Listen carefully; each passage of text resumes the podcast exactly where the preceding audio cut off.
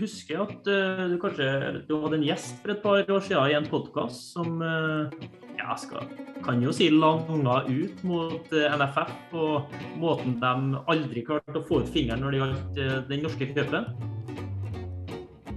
Vi trodde jo kanskje at det var det siste vi trengte å liksom påpeke og, og, og mase om når det gjaldt NFF og, og cupen, men, men, så kom jo den walkoveren, da walkover klarte vi å få i cupen. Det klarte de å få til at Bodø-Glimt slapp å møte Ålesund hjemme på bortebane. Det som ville ha blitt en tøff, tøff fjerde rundekamp.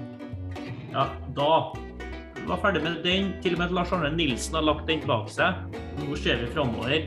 Den norske cupen, det er fest og tradisjon. Fest og tradisjon, det er første runde i cupen. Da får vi de lokale, fine oppgjørene. Og folk gleder seg vet du, som, som til julaften på at oppsettet skal komme, og se om de får storklubben i nærområdet eller ikke. Hva klarte de i år, da? De glemte treff. De glemte et lag. Fikk ikke være med, dem. De fikk ikke delta. Til slutt så fikk de delta. Da fikk de storoppgjøret. Treff Vard Haugesund. Heia cup! Ja, det nærmer seg påske, men vi i Fotballrådet har selvsagt ikke tatt fri, Kristoffer. Og i dag har vi med oss to, uh, skal vi kalle det for veldig bra folk. Uh, Stig Torbjørnsen, du er uh, speider. Velkommen. Takk for det. Du er en konkluderende type. Du sier ofte 'sånn er det bare' etter ting du har sagt. Kan det stemme? Nei, Det kan vel stemme. Det er ingen fasit på masse av det jeg sier jeg konkluderer med. Så jeg er ikke helt enig, men ja, kan ha vært litt sånn brysk i uttalelsene. Ja, det er bra, det setter vi pris på. Eh, Joakim Jonsson, velkommen tilbake til det som eh, ja, har vært ditt, eh, ditt, liv og virke i mange år. Podkast. Gamle jaktmarker, ja. ja, ja. Nei, Det er hyggelig å være her. Du òg er jo ganske konkluderende. Jeg tror du skulle si det godt at noen er litt mildere i fremtoningen. At jeg hører at jeg i forhold til stil. Ja, nei, men det er bra. Vi, eh, dere to er her fordi vi har lyst å snakke om eh, det som på mange eh, måter går inn i kjernen på deres jobber. Eh, spillerjakt, eh, konkurransevilkår og økonomi eh, i norsk fotball, men òg se det i sammenheng med andre ligaer vi liker å sammenligne oss med, Sverige og Danmark. Kan du, Jokke, si noe generelt om markedet i norsk fotball? Om noe generelt, ja. Hva om markedet? Hva, nei, hva tenkte altså, du spesifikt da? Nei, er det et uh, sunt Fungerer det som det bør fungere? Ja Du vil si at det ikke skal gjøre det? Nei, om vi, om vi prater om eh, konkurransefortrinn som er i Danmark og Sverige, så er jo det kontra Norge. Det er jo ikke tvil om det. og det har ju utvecklat sig väldigt de siste årene, så vi har ju kommit lite i bakevja der, eh, og och då siktar jag ju speciellt eh, mot at både i Sverige og och Danmark har man jo den artistskatten som ikke finnes i, i Norge. Og och då konkurrerar vi nesten ikke på lika villkor for för att skattefordelene er så store i både Sverige og Danmark som gjør det vanskelig for oss å konkurrere om de bästa spelarna där. Och det til syvende og sist så påvirker det jo naturligvis attraktivitet, attraktiviteten og kvaliteten også på den norske eliteserien. Går vi 10-12-13 år tilbake, så, så, var det litt annerledes, i hvert fall i, i forhold til, til Sverige. Da var vi konkurransekraftige der og kunne hente mange gode spillere. Og det var det jo også. Det kom jo mange, mange spennende spillere. Så, så, der er vi jo litt, litt akterutseilt, og eh, kanskje noe vi, vi bør se på i forhold til kvaliteten. Hvor stiger du som farter mye rundt i Danmark og Sverige, hvor mye bak henger norsk klubbøkonomi eller attraktivitet? da? Nei, Den henger litt bak, og det ser man jo på, på spillets salg også. da. På, både fra Danmark og Sverige så er det mye, mye høyere beløp som går ut. Men som Jokke sier, det er jo det der med skattefordelene som vi ligger jo helt bak. og Hvis det er en, si en slovaker da, eller en eller annen spiller som kan velge mellom tre klubber. Agenter jobber jo i feltene og tilbyr spillere til si, tre ulike land, Norge, Sverige, Danmark. Der velger stort sett spilleren der man får mest penger, og der faller Norge da som nummer tre av de tre. Uh, Danskekursen er jo ganske høy og fin nå, og de har en artistskatt. Uh, Svenskene har jo også en artistskatt, pluss at de har en veldig, veldig lav skattesats på, en, på et sign-on-fee. Så der er en dobbel faktisk fordel i Sverige enn en, en Danmark og også enn Norge. Så det er, det er vanskelig for norske klubber og vi ligger egentlig et godt stykke bak. Ja, for det som er greia i Danmark, er vel det som heter for forskerskatteordningen eh, på pent, men som da blir omtalt som kunstnerskatt eller artistskatt, eller Ja, det hva man skal si, og den er på 33% Ja, den er 32-33 Ja. og det er jo godt, det. Og når da kursen i Danmark kursen er på 130 kroner, så er det en 30% bedre bare der, egentlig. Så, men igjen, igjen, det er vanskelig. Altså, når agenter tilbyr spillet, så velger de stort sett De har ikke noe forhold til om de skal spille for IFK Göteborg, Norrköping, Haugesund og Vålerenga eller uh, Randers eller Aalborg. Det er liksom stort sett pengene det går ut på. Hvor man får best mulig deal. Det er ikke noe klubbfølelse sånn sett. I hvert fall ikke for importspillere. da. Så da er det stort sett bare penger. og da, da kommer norske laga sist i køen.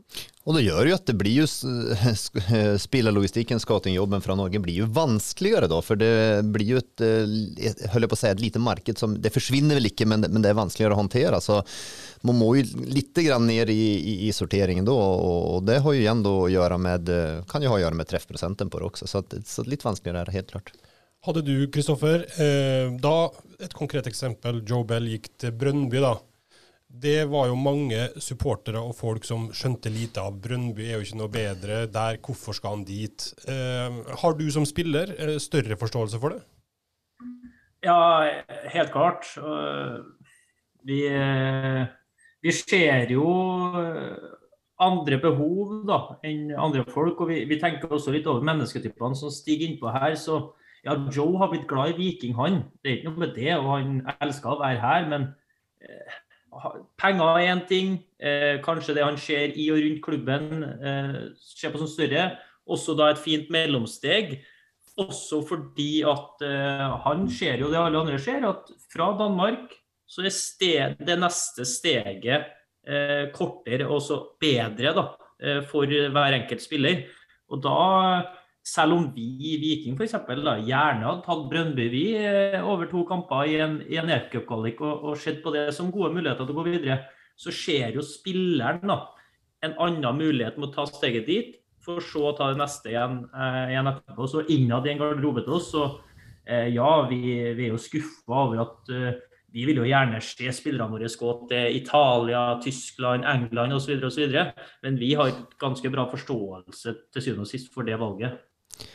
Stig var ju innom det här litt lite grann tidigare, det med att svenske svenska och danska ligan säljer mer, säljer dyrare än vad den norska gör också. Och, i, i Bells eh, situationer och, och andra spelare som väljer lite grann mellan ligorna och har ju kanske, ofta så har de ju då Skandinavien som ett mellansteg för att komma ut till en större klubb.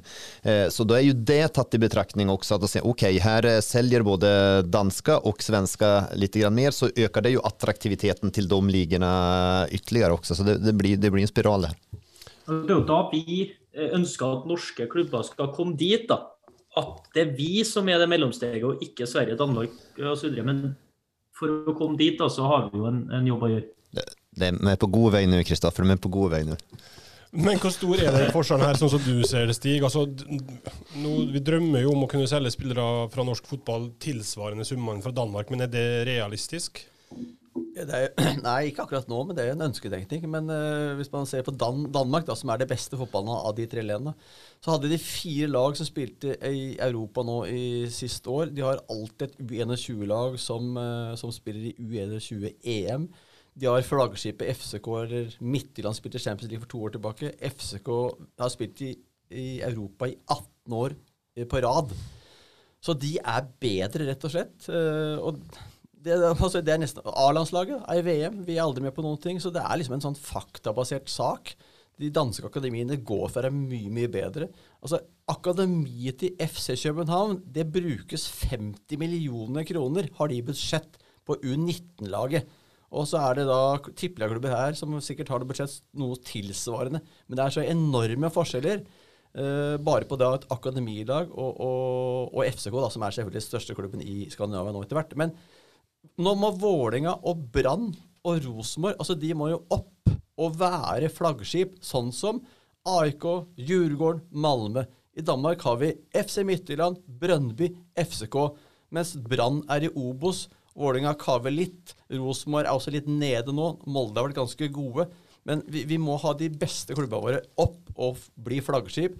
Da tror jeg det kan bli lettere å få tilbake spillere igjen. Og så er det en, igjen, som vi sier her, det er en spiral da som da blir positiv. Men nå er han ikke så positiv. Nå er Danmark klart nummer én. Og, ja, og det der har jeg jo pratet om i mange år, det der at de klubbene fra de store byene de må være de beste i norsk fotball også. Det vil øke attraktiviteten, det vil bli flere folk på kampene, og da kommer vi inn i den der kan man kalle gode spiralen som man har vært i Sverige da, med AIK, Djurgården, Hammarby og, og stort sett eh, som leverer og ligger i toppen hvert år Og, og dit eh, må de store byene her også. Viking er jo på god vei nå og har stabilisert seg lite grann og sen så er det opp til Vårdränga å gjøre jobben og komme dit. Rosenborg må dit, Brann må dit også som man det over tid. og Europaspill er jo naturligvis helt avgjørende. Vi ser jo, om vi skal se en liten positiv trend i Norge så er jo det Bodeglimt har gjort naturligvis ute i Europa. Det har ökat attraktiviteten norske spillere. spelare. Bodeglimt har jo solgt en del, solgt dyrt, men det har også økt attraktiviteten generelt. Vi, sen er det jo som Erling Braut Haaland har også gjort det bra. Det har også, tror jeg, faktisk vært med og och satt Norge litt grann på kartet. Så håper jeg att nu att eh, uh, U21 U20-laget går til EM, at de eh, slår ut Kroatia eh, og eh, går dit så vil igen det være med Og sen handler det om lagene om å frekvent være ute i Europa. Et, unnskyld, et annet konkret eksempel, Stig. Daniel Eid, f.eks. Han eh, dro fra Sogndal eh, til IFK Nordkjøping. Hvilke vurderinger tror du han gjorde med tanke på det med AIK, spille store kamper, møte eh, fullsatte tribuner? Tror du det òg er en konkurransefordel for det svenske? Ja, det kan nok være, men øh, vet ikke hva han hadde å velge i. Men det er jo det er litt kult å spille i Allsvenskan. Du spiller kamper med 27 000, 38 000 og 22 000. Så klart, det er jo et kjempemotivasjon for han. Eh, men det, han gikk jo et knepp opp, da, som han ville gått til Vålerenga eller Viking istedenfor Norrköping. Det, det vet jeg litt for lite om, for det, jeg vet ikke om det var en reelt uh, si, utfordring for han, eller om han hadde tilbud fra noe annet.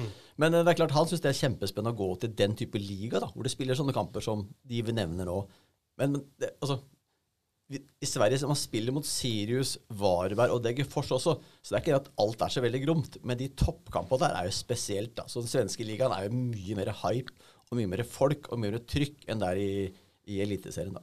Men jag vill ju tro med ett Vålerenga i toppen, med ett Rosenborg i toppen, Brann i toppen, Viking i toppen så vill det vara svärt attraktivt. Typer och Totland som gick til till eh, till Häcken eh, då, och, och den typen av spelare, då vill de klubbarna vara superattraktiva. Men, men igen, de må visa det själv först och, och eh, vara, i, vara i toppen.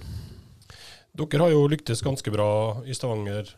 Kristoffer, masse folk på Druna. Eh, hvor viktig tror du det er, det som er inne på her med Rosenborg og Brann og Vålerenga og lokomotiver? Det er veldig viktig. Eh, Jeg diskuterer mye fotball med mange eh, veldig ofte. og Da kommer man ofte tilbake på når vi snakker om norsk fotball. eh, Kaller gjerne storhetstida rundt 2006-2007 og fram til 2009, eh, 2010, kanskje. Eh, Du hadde Vålerenga som vant et eh, gull litt før der, og så hadde du Brann som vant et gull. Rosenborg var jo toppen. Og så fikk du en sånn der enorm hype rundt norsk fotball. da.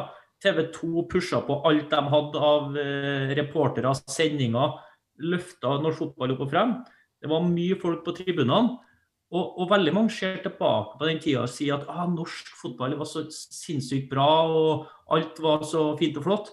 Jeg er ikke så sikker på at selve kvaliteten på hver enkelt spiller, hver enkelt kamp, var så fryktelig mye bedre. Men når du klarer å løfte produktet, så ser det utenfra så ser det voldsomt mye bedre ut. altså. Og, og, så det, De ringvirkningene der er vi nødt til å få i gang.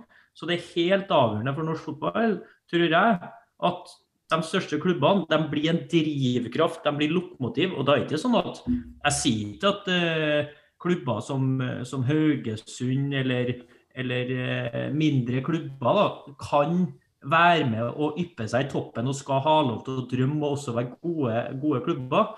Men vi trenger at de, de største og beste de er mer stabile oppi der da, for, å, for å få med resten. Og da tror jeg da vil jo den snøballen begynne å rulle. da.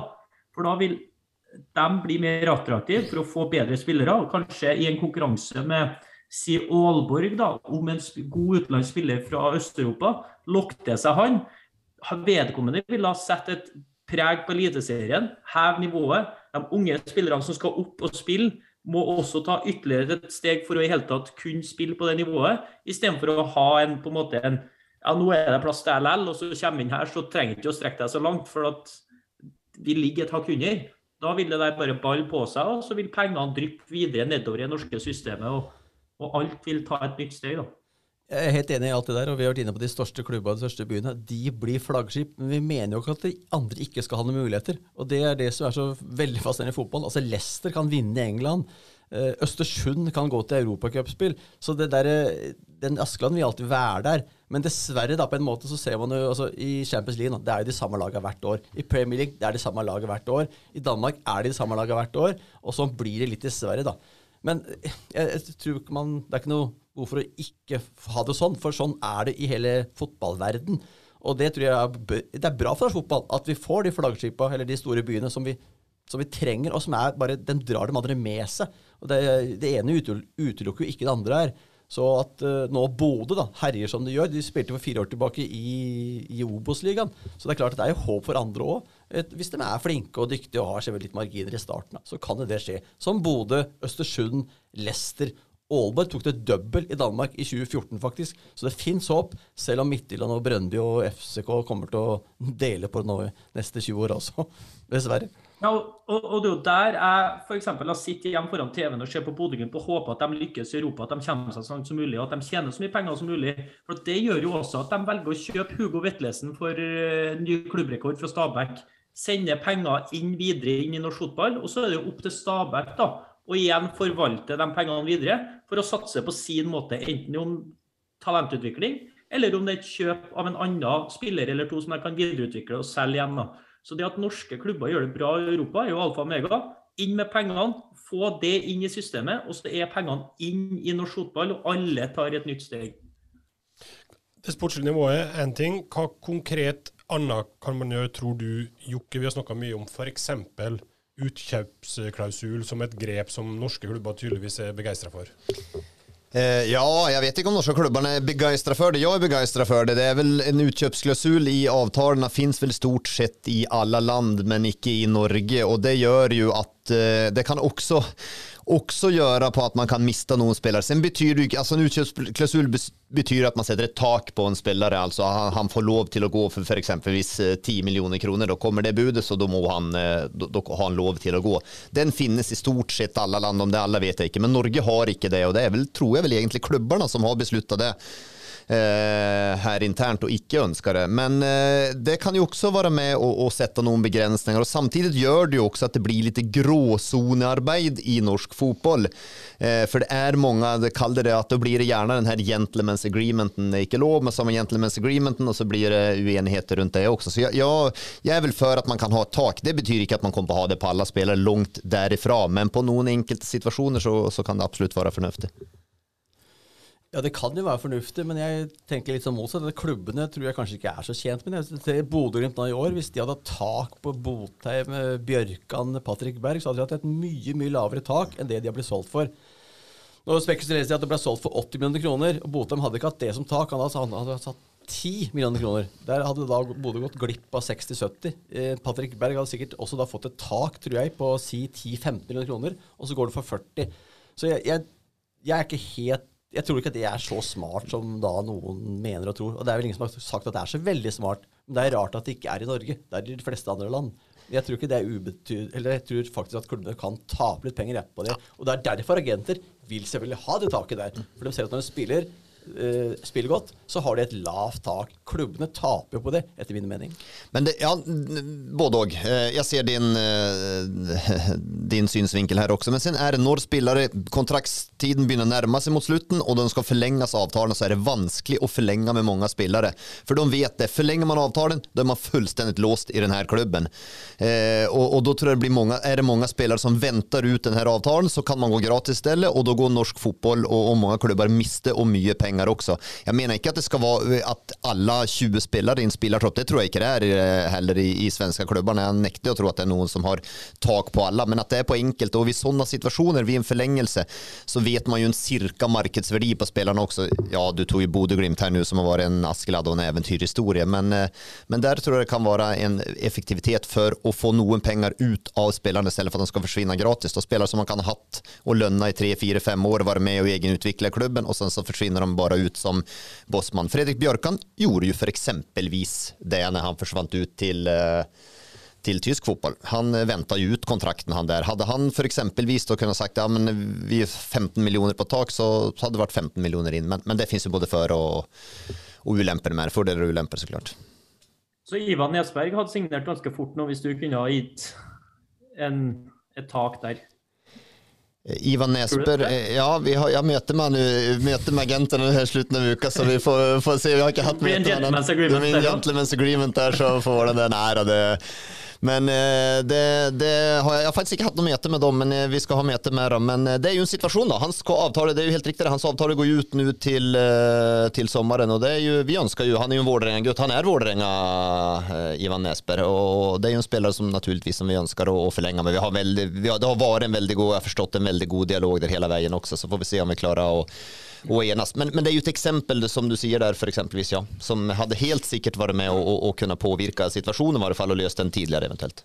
Men vil Ja, for han svi- svirrer kanskje litt i hodet på at ja, er det her muligheten min til å, å komme meg ut nå, hvis jeg bare glir ut kontrakten? Mens hvis du kunne ha lagt inn OK, for, for 15 millioner, så, så får du gå når som helst, da, også neste sommer eller i sommer eller når det skulle være. da. Og, sen, og, den tanken tror jeg er veldig lett at uh, svirrer hos mange spillere også. Så har de rådgivere som sikkert uh, tuter inn det ene og, og, och, och det andre også. Og, jeg jag har vel forståelse for det også, Uh, så, uh, så at, uh, det er jo menneskelig. Vi har jo også sett, eh, vi snakka så vidt om eh, en Brønnby-stopper før vi gikk opptak her, en, en som heter Andreas Maxø. Han har utkjøpsklausul. Det jeg har lest i danske medier, og den var på 23 millioner. Og så etter en viss periode så blir den halvert, ned til 11-12. Kan man ikke òg da uh, spekulere i det som spiller, uh, at man takker nei til, eller altså uh, til klubber som vil ha, selv om klausulen blir utløst. fordi at hvis man venter et halvår, så får klubben mindre, men kanskje mer penger i egen pung, fordi at klausulen går ned. Altså er ikke det her òg et Altså Det er jo ikke noe vanntett uansett hva man velger her. Nej, det er jo det er ju spörsmål hvor de har lagt fram det der, men det, men det kan det jo absolutt, absolutt være i en sånn tilfelle. Det, det, är- det er jo litt samme prinsippet som om man venter ut avtalen helt. Det blir samme prinsipp- prinsippene, ja. Men det er samme som, som Joakim sier, det, det, her berører jo ikke alle spillerne. Her er det en spiller som har vært på vei til Rostov, som ble stoppet i siste liten, og så går han tilbake til Brøndby og resignerer der. For at de skal få resignert han, så legger han selvfølgelig en føring på at ok, neste gang, da skal jeg i hvert fall få lov til å gå. Og så har de posisjon da, til å få en avtale som han vil ha. Og så er klubbene da litt prisgitt hva han vil. Litt dessverre, men sånn er spillet. Jeg så eh, eh, Thomas Berntsen uttalte seg om eh, norske klubber i forhandlingssituasjoner. Der han til Nettavisen sa eh, om danske, da. De starter med å være tøff, så blir de grinete og skikkelig sutrete. Men når dealen er fullført, er de verdens hyggeligste folk og byr på en bayer. De er helt ekstremt dyktige i forhandlingssituasjoner. Nå vet jeg ikke hvor mye forhandlinger du har vært med i, Stig, eller eh, du, Joakim, men er norske klubber gode nok i forhandlinger? Er vi kynisk nok, strategisk nok? Ja, men det, det der, og det der er vanskelig. Er, noen ganger er det vanskelig å, å, å være kynisk og strategisk nok hvis man ikke har penger. Eh, altså, Haugesund hadde for eksempelvis eh, Vadje når han eh, gikk ut. Han tror jeg de måtte selge billigere enn hva de ønsket, just for at de hadde en økonomisk eh, veldig anstrengende situasjon i klubben og var presset på den måten. Glimt er jo en helt annen situasjon. Nå vet ikke jeg hva det kommer for det har jo vært eh, svirret i både det ene og det andre om Ola Solbakken, eh, nærmest fantasisummer som de har takket nei til tidligere. Men de er i den situasjonen at de kan være knallhårda, for de har x antall eh, tiotal, som nu er det snart hundratals millioner på, på bok der også. Så da er det, det är det lettere. Så det har litt med den totala klubbøkonomien å gjøre også. Og flere av de store danske klubbene de har de muligheten. Det har ikke de norske. Og, og dit ønsker man jo naturligvis å, å, å komme og få en bærekraftigere og en sterkere økonomi. Da er det lettere å forhandle. Da er det lettere å, å være tøff. Og Jeg tror ikke det er noe norsk problem hvis Norge Jeg tror ikke nordmenn er noe dårligere forhandlere enn svensker eller dansker, så det tror jeg ikke er noe norsk problem. Det er bare fra klubb til klubb, fra mann til mann, eller sportssjef til sportssjef. Så jeg tror ikke det er noe norsk. Nei, det tror ikke jeg Ikke nordmenn er noe dårligere der enn noen andre. Det tror jeg ikke. Hvor mange agenter eller speidere er på en gjennomsnittlig dansk kamp kontra hvordan det er i Norge? Det også er litt sånn likt, fordi det er jo stort sett er det hollendere eller tyskere eller italienere, ikke så mange engelskmenn, franskmenn. De tar jo også en sånn runde. Noen ganger så er de, tar en svenske runde, så tar de en dansk runde, og så tar de en Viken i, i Norge. Eller og de kombinerer, da. Så det er liksom Det er ikke sånn at det er mye, mye flere i Danmark enn det er i Norge. Og på sommeren så er det veldig mye i Norge. Norden er et godt marked for eh, klubber i Europa. Fordelen i Danmark er at man kan se fem kamper på en Viken og kjøre to timer dit og tre timer dit og en halvtime dit. Så får man faktisk én kamp fredag, én lørdag. Man kan rekke tre på søndag, én på mandag. I Norge så må du liksom velge skal jeg ta Oslo se Lillestrøm og Vålerenga hvis det passer. Eller skal jeg fly til Bodø, fly til Stavanger. Så det er litt mer litt, litt lengre og litt verre. Mm. Derfor så kan speiderne ofte ta en tur til Danmark istedenfor til Norge. Og så er igjen nivået er litt høyere i, i Danmark enn det er da i Norge. Mm. Nu ska vi ikke ta upp gress och kunstgräsdebatten här, men eh, det är ju också gress i Danmark som eh, kan också i förhållande till många av de här eh, men vi för guds ikke la oss ta gress- og gressdebatten, men, men den kan jo ha litt å, si. Jeg vet jo at en del uh, speidere vil helst se spillerne på det underlaget de spiller sjøl på i egen klubb også. Ja, jeg er helt enig, Jokke. Vi bør ikke ta det nå, men I Danmark er det bare kun to lag. Det er Silkeborg, som spiller nå faktisk en veldig veldig fin fotball. Og så er det FC Nordsjælland, som har en bane som er som gamle Jordal Amfi. Er ikke Amfi, Jordal Putzar, hvis du husker den. Den er knallhard og dårlig, og den er alle klubber i spillet i Danmark hater den banen der. Så, ja, nok om kunstgressdebatten. Men der er det bare kun to lag da, som spiller på kunstgress. Eh, ja, det var bra at dere eh, unngikk eh, naturgress. Det siste stikkordet jeg hadde her, var muligens da eierskap, om det er noe, eh, noen endringer der som kan gjøres. Nå var vel NTF har jo lyst til å åpne for det. Ulike eierskapsmodeller, kanskje utenlandske investorer. og Vet ikke om de finner noe interesse i norske klubber, men eh, om det kan generere noe mer økonomi? Jeg tror ikke det. Danmark har jo hatt noen, klubb, noen, klubber som har blitt solgt, og Esper har blitt kjøpt av en gruppe. Det går eh, rett og slett til helvete. De kommer å rykke ned fra førstedivisjon. Så det, de skulle vært veldig flinke, smarte, og det, alt skal foregå på data. Det er ikke måte på hvor fint det skulle bli. Det går rett i dass. Sønderjysk er også en klubb som har blitt kjøpt av noen eiere. Det, de kjemper med å rykke ned fra Superligaen. Fremad av Mager er også kjøpt av eiere. De også rykker også ned fra førstedivisjon. Eh, det blir ikke spesielt mye bedre, tror jeg, med utenlandske eiere. I hvert fall ikke har det vært en eksempel på det i Danmark, hvor det er mye, mye bedre. Har ikke Veile hatt det også? Veile går også nå i ferd med å rykke ned, og fullstendig kaotisk, med en kinesisk eier med en, med en moldavisk agent som også eiere. De også går helt hurra meg rundt. De har 20, 20 ulike nasjonaliteter, og det, ingen forstår noen ting av hva som foregår der. Midtjylland er også eid av David Benham, heter han vel. Han som eier også Brentford. Så det har jo gått godt, da. Eh, jeg kjenner ikke helt til, til strukturen i eiermodellen her, men det er ikke en automatikk at man får man utenlandsk eier, så blir det så mye bedre. Eierne skal ofte liksom kjøpe en klubb, så skal de bryske seg litt, og så gir de ikke noe penger. De skal tjene penger. Men de orker ikke eller vil ikke investere nok penger til at det skal gå bra. De tror det er veldig enkelt, og så er det veldig ofte Altså Det er en kinesisk eier, det er en italiensk eier. Det er eiere langt unna. Så de, de, de, kan ikke fotballen i det landet. Og de tror det er bare å sette inn eh, Hente noen eh, spillere fra helt ulike nasjonaliteter, ulike land, og så tror de at nå skal vi bare tjene masse penger. Og det er ikke så lett som det de da tror det er. Så det har ikke gått veldig godt i Danmark, i hvert fall. Nei, hadde jeg hatt en hammer her, så hadde jeg bare kunnet slått ned spiken. Bra, da gjør vi det. Og så mm. setter vi punktum for, eh, for, den praten.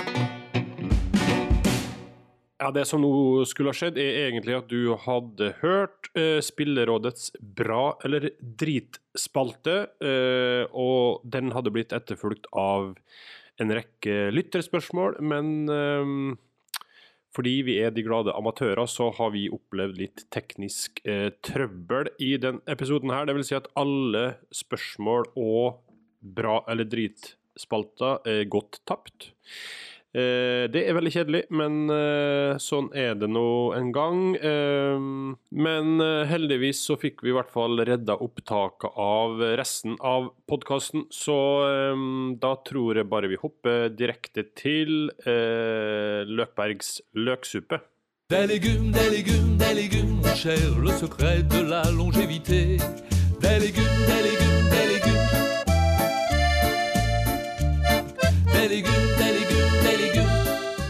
Løkbergs løksuppe har jo blitt et veldig populært innslag her. Jeg har fått null kritikk for eh, dårlig navn og uh, alt det der, men bra innhold. Har du forberedt noe i dag? Ja, i dag har jeg, har jeg tenkt litt, og det her kan jo være da, løksuppe kan være alt mellom himmel og jord. Uh, men jeg som er ganske aktiv på Twitter, har jo sett at det har blitt litt inn da, å skyte på hverandre mellom klubbene, da, supportere, om Jeg ser tomme seter der, tomme seter der. Hvorfor snakker du om tilskuerantallet i Molde når vi har så mange innbyggere? Bla, bla, bla. Eh, og, og, Det er jo en annen diskusjon om det generelle antallet på kamp i norsk fotball og påskekamp og, og det der. Men jeg ser bilder fra norske kamper, så ser jeg et større og større antall syngende supportere på kamp. Og, og, nesten så jeg hører når jeg ser kamp, en bedre atmosfære. Jeg så klanen. Eh, så faktisk eh, massiv ut til tider eh, på Intility. Felt O her var større enn noen gang. Bataljonen Brann Åsane var meget bra. Kanarifansen, hvis vi så den Jerv-kampen, og også borte mot HamKam i første kamp. Så, jeg føler at det er noe på gang i norsk fotball rundt det med den syngende supporteren. Og at vi har klart å gjøre det til en kul greie. Der det tidligere kanskje var litt uglesett, sett litt ned på. Eh, der mann i gata liksom skuler litt bort på han som står eh, fem rader bortafor og, og, og synger. Eh, mens da samme mann i gata setter seg på, på flyet til London og, og, hopper fram på den første puben og kauker 'We love you Arsenal' eller United eller hva det skal være, med en gang han får muligheten. Så, så jeg ønsker at vi fortsetter å dyrke opp under den, den trenden der, og at det er kult å være syngende supporter i Norge. Mm. Og, og, når vi skal ha flere og flere, så trenger vi å rekruttere. For det kan ikke bare være den samme gjengen, vi må ha nye folk inn. Og Da er et gratis tips, gratis tips fra meg til norske klubber at kanskje kan vi eh, invitere russen på et lite arrangement i, i forkant av 16. mai. De kommer jo alltid da. Eh, skap en liten happening i forkant. Få en fra klanen eller fra Kanarifansen, Forsa Tromsø, hva det skal være. Dukke opp i et partytelt lære dem noen sanger, få dem med på kamp etter en seks-sju halvlitere. Så kanskje syns de det er artig, og kommer det fem stykker neste gang òg. Ja, det, men jeg må bare få følge opp den der, så eh, er jeg helt enig i det der. Og det blir altså Å komme på kamp og høre altså det, Jeg må si jeg fikk Vi hadde for lite folk ut fra hva vi ønsker. Vi, har nå var det mye konkurranse med det ene og det andre på, på søndag her, men høre klanen på søndag, det er gåsehud, altså. Det er helt vilt. Og det skaper en totalopplevelse på arenaen som faktisk er helt fantastisk for de andre som er der også. Så at, eh, jeg, jeg hyller det her virkelig virkelig. Och eh, det er som Kristoffer innan, det har blitt litt mer, skal man kalle det legitimt å være med og, og, og synge nå på arenan. Litt mer kult også. Mm. Og, og, det her med å rekruttere gjør det. Jeg vet Fredrikstad gjorde det i fjor høst til alle juniorlagene rundt i nærområdet. Inviterte dem, fikk gratisbilletter til noen kamper, og de var med og sang. Mange av dem har jeg hørt opplevde det som veldig morsomt også, så at, nei, det syns jeg er, er, veldig veldig positivt. Og jeg ser også den, både den supportertrenden og publikumstrenden, at den er på vei opp litt grann og, og, og snu i, i, riktig retning også. Det er uh, helt nydelig. Jeg tror også klubbene må, må, være flinke til å finne på ulike ting. Når det har to år med pandemi, folk har fått litt andre vaner. Eh, de må dras ut av stolen, og det må være noe lokkemiddel. Selvfølgelig best fotball, det er det beste lokkemiddelet du kan, men det må være noe mer liksom en gratis pølse eller et eller annet. Bare så finne på et eller annet. Eh, så det, ja, jeg er helt enig. Vi må, vi må være litt sånn skuespiller og finne på noe som drar folk ut av sofaen og ut på stadion igjen.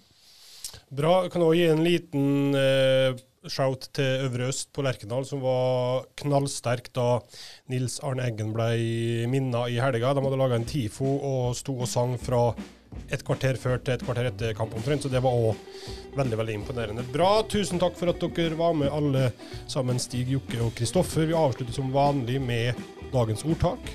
Man skal ikke hoppe så høyt at man snubler i sitt eget skjegg.